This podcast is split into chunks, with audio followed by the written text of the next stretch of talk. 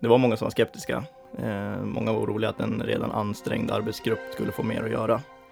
Att vi inte skulle ha tid till eh, huvuduppdraget som är att åka när allmänheten ringer 112. Det säger Jakob Svensk, polisassistent vid Norrmalmspolisen i Stockholm om försöksprojektet med en annorlunda arbetsmodell. Försöket handlade om att samarbeta mer över sektionsgränserna när det gäller mängdbrott för att se om det kan leda till uppklaring av fler brott. Hör om hur det gick. Det här är Snack om brott, en podd från BRÅ, Brottsförebyggande rådet.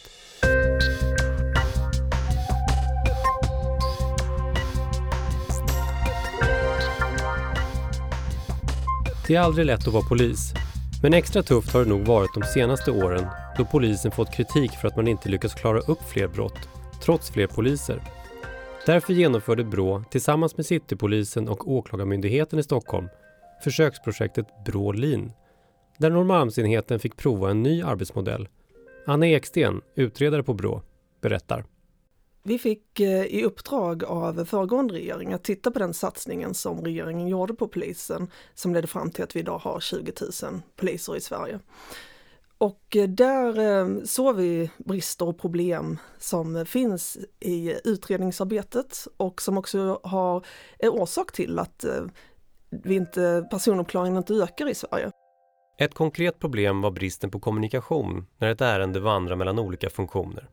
Anna Eksten igen. I vanliga fall inom polisen så går det till så att eh, är det till exempel ett eh, brott där polisen är på plats så kommer en patrull till platsen, tar upp anmälan. Sen lämnar de över det till en granskande funktion, i Stockholm heter det stationsbefäl, som sen lämnar ärendet vidare till jourutredare, som sedan lämnar ärendet till en utredningsgrupp och som då eventuellt lämnar det till åklagare.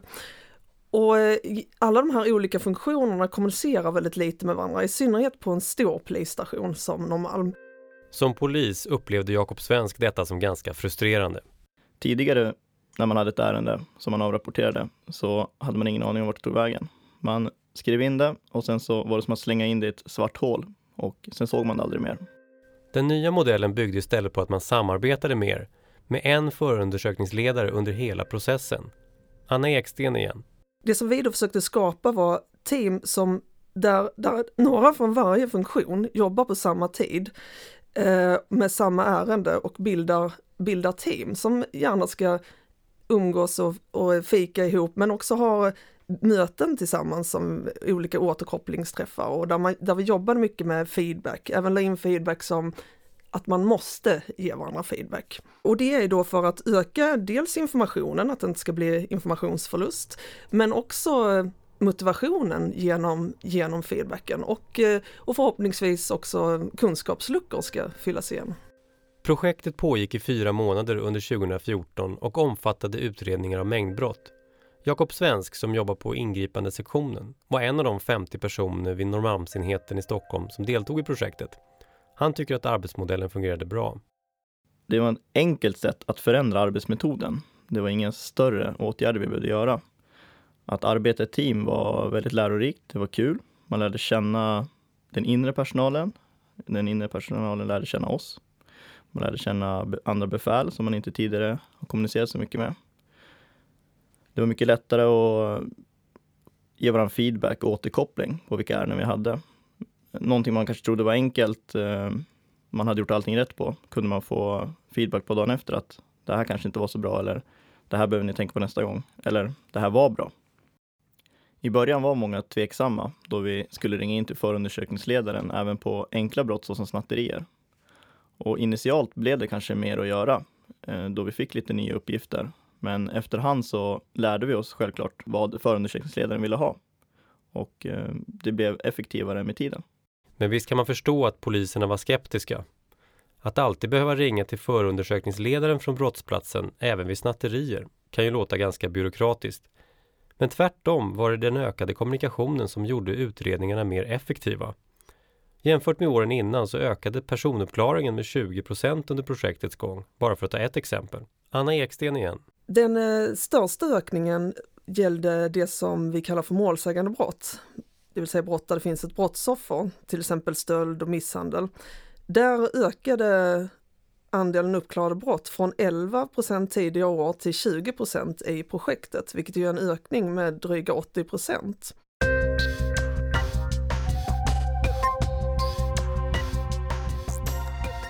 Fler uppklarade brott alltså, genom mer samarbete. Men den ökade uppklaringen beror troligen också på ökad feedback av den individuella prestationen och återkoppling till poliserna hur det gick i olika ärenden. Det ser både Jakob Svensk och Anna Eksten som en viktig framgångsfaktor. Innan eh, existerade ingen eh, feedback i ärendena. Man eh, fick sällan veta vad som var bra eller dåligt. Nu när vi arbetade i team så fick vi personlig feedback, både enskilt och i grupp. I och med att vi fick feedback och återkoppling på ärendena så ökade motivationen att arbeta med mängdbrott.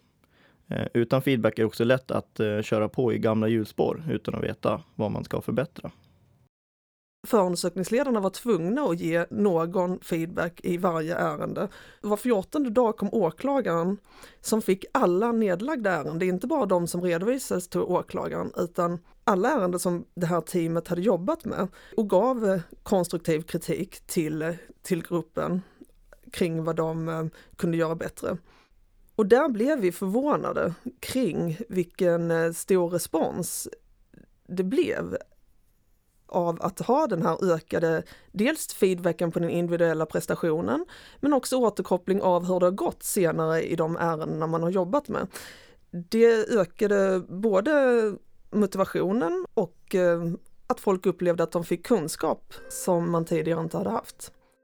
Att arbetssättet uppskattades av poliserna själva visas inte minst av att andelen medarbetare som var nöjda med samarbetet mellan inre och yttre personal ökade från 36 till 85 procent.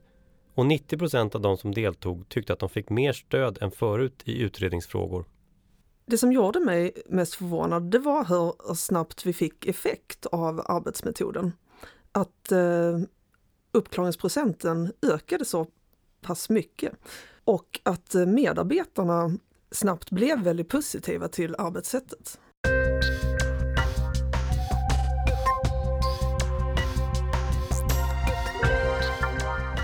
Betyder de goda erfarenheterna från Citypolisens projekt att den här arbetsmodellen, Brålin, skulle kunna användas inom polisen i hela landet? Anna Eksten.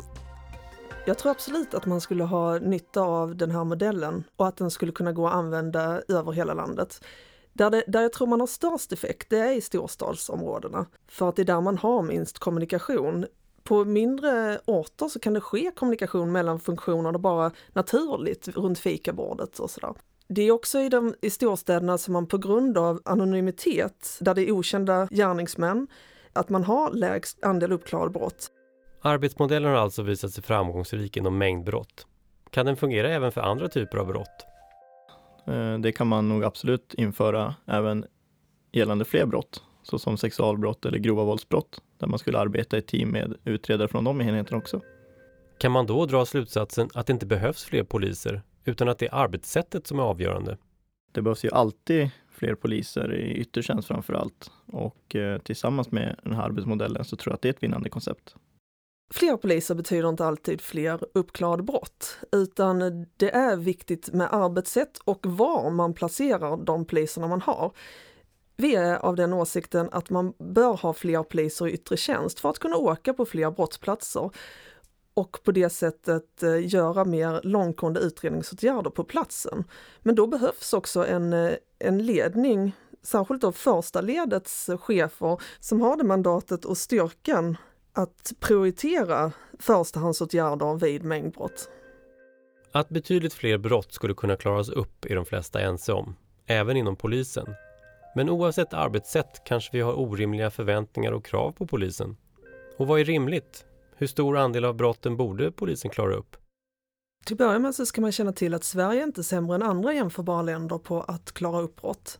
Ofta framställs det så i media, men det handlar om att man jämför äpplen och päron. Dessutom så är det så att de flesta brott går inte att klara upp.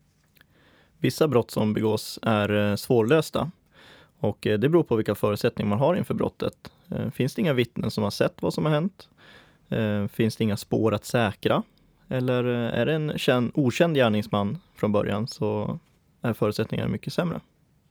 I den här eh, undersökningen som vi gjorde, där åklagaren fick titta på alla ärenden, då gjorde han bedömningen att 51 procent av de här brotten skulle kunna gå att klara upp. Och det handlar om att, eh, för att de är upptagna av patrull på plats och då är det en högre andel av brotten som går att lösa. Och när man har den vetskapen att 51 procent går att klara upp, då förstår man att 46 procent uppklarad brott som det var, är en väldigt bra siffra. Men om man bara skulle ha 46 procent, då skulle man kanske tyckt att ja, det var inte så bra att man inte klarade upp hälften av alla brott. Så egentligen så skulle man ju vilja relatera till de här 51 procenten möjliga brott att klara upp. Om det hade varit 100 procent, så att säga, om det hade varit maxtaket, då hade, de, då hade man ju sett att polisen i det här projektet löste 90 procent av de brotten som var möjliga att lösa.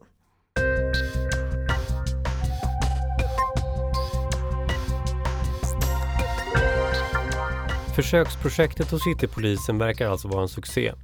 Arbetsmodellen bygger också på att fler i ärendekedjan, till exempel förundersökningsledare, är beredda att jobba på samma tider som poliserna i yttre tjänst. Det vill säga fler kvällar, nätter och helger. Det ställer höga och kanske nya krav på chefer och ledarskap. Det kräver ju att eh, cheferna ställer krav på medarbetarna att eh, man kanske måste jobba obekväma arbetstider och helger, så som övriga teamet jobbar. Och sen tror jag att eh, det behövs en chef som håller ihop teamet i projektet så var cheferna väldigt engagerade och drivande, vilket eh, motiverar personalen att arbeta efter den här arbetsmodellen. Ledarskap är eh, en väldigt central faktor i, för att lyckas med en arbetsmodell av den här typen. Det måste finnas en funktion som håller ihop teamet och eh, som, som ser till att, att man följer rutinerna som man har kommit överens om att införa någonting handlar inte bara om att bestämma nu ska vi jobba så här, utan det är en kontinuerlig process där, där någon hela tiden måste följa upp arbetet. Det ställer helt enkelt krav på att cheferna ska våga vara chefer. Ja, Brås och Citypolisens projekt har både varit framgångsrikt och lärorikt. Den som vill veta mer kan läsa om projektet i rapporten Varför gav inte fler poliser högre personuppklaring? Rapport nummer 17 2014. Den kommer också komma som kortversion. Du hörde Anna Eksten, utredare på Brå, Jakob Svensk vid Norrmalmspolisen i Stockholm och jag, jag heter Johannes Rosenberg. Dela gärna podden i sociala medier. Du kan också prenumerera på Brås nyhetsbrev. Tills vi hörs igen, ha det så bra!